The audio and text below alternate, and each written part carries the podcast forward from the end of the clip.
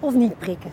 Dat is de vraag die duizenden meisjes bezighoudt. En het gaat om een prik die baarmoederhalskanker moet voorkomen.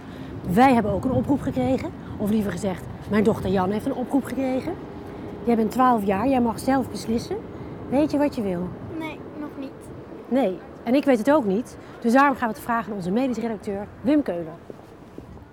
Wim, ik heb mijn dochter Janne meegenomen. En wij zitten alle twee boordevol vragen over de maagdeprik. Misschien kan jij ons helpen? Tuurlijk, vraag maar. Ehm, hoe komt het dat er nu opeens een prik tegen baarmoederhalskanker is? Nou, dat is niet zomaar opeens, maar 35 jaar geleden zijn ze er al mee begonnen. En uh, nou, 14 of 15 jaar geleden was er toen een vaccin. Want ze hadden dus eerst bedacht dat er een virus was wat, uh, waar je een prik van kon maken. En 15 jaar geleden hebben ze het vaccin en dat zijn ze toen gaan proberen. Eerst op uh, proefdieren en later op uh, mensen, op vrouwen. En toen ze vonden dat het allemaal goed was, toen zijn ze het uh, in het groot gaan gebruiken. En nu ben je uitgenodigd voor die prik. Weet je wat een vaccin is? Het spul dat in een prik zit. Um, op school zeggen ze dat je door de prik verlamd kan raken of gehandicapte kinderen kan krijgen. Is dat waar? Nee, dat is niet waar. Het uh, staat overal op internet. Hè? En uh, kijk, wat er gebeurd is bij dat onderzoek voordat, het, uh, uh, voordat de prik werd ingevoerd, toen hebben ze het bij allemaal proefdieren bekeken. En ze hebben bijvoorbeeld bij ratten gekeken, die gaven ze dan de prik.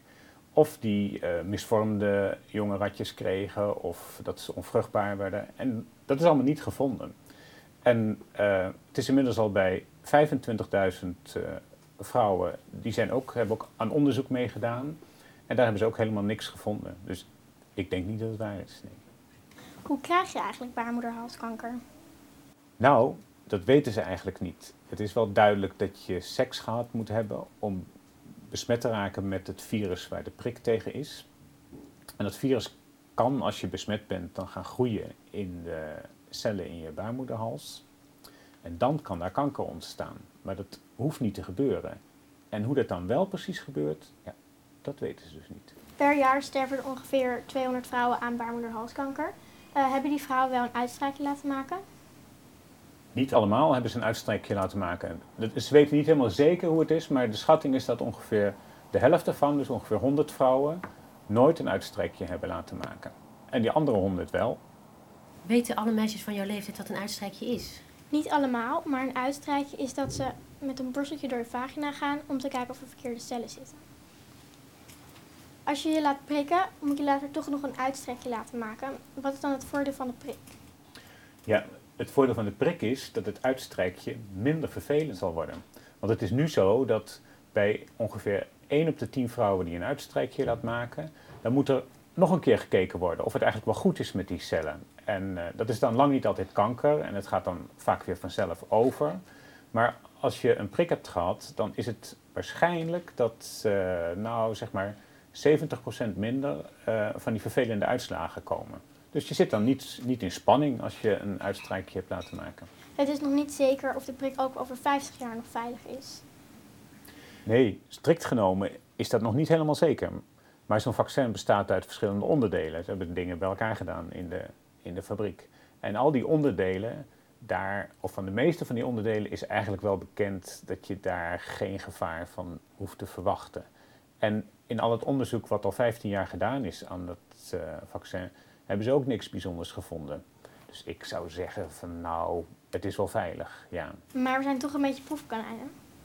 Ja, ja. Misschien moet je dat wel zo zeggen, maar ik moet zeggen, met de meeste proefkonijnen loopt het toch veel slechter af dan met jou. Mag ik ook wat vragen? Mm -hmm. Dit vaccin werkt tegen twee belangrijke varianten van het virus. Er zijn ook critici die zeggen, als je hier nu tegen inent, dan gaan die andere varianten uh, de overhand nemen. Ja, dat kan inderdaad gebeuren, maar we weten het niet zeker. Er zijn uh, 15 typen APV-virus die uh, baarmoederhalskanker kunnen veroorzaken. Bij ons zijn er twee het belangrijkste. In andere delen van de wereld zijn het andere typen. En die kunnen inderdaad bij ons binnen gaan trekken. Maar als het gebeurt, dan kan er wel een nieuw vaccin gemaakt worden. Als u een meisje van 12 was, wat zou u dan doen? Ja, wat denk je? Uh, als ik een meisje van 12 zou zijn, dan zou ik er goed over nadenken. Maar ik denk toch, ja, ik weet wel zeker dat ik me zou laten prikken. Want kijk, je hebt een kans van 1 op de 300 dat je ooit aan baarmoederhalskanker overlijdt. En als je dat met drie prikken weg kan werken, dan denk ik van nou, dat laat ik doen. Ja.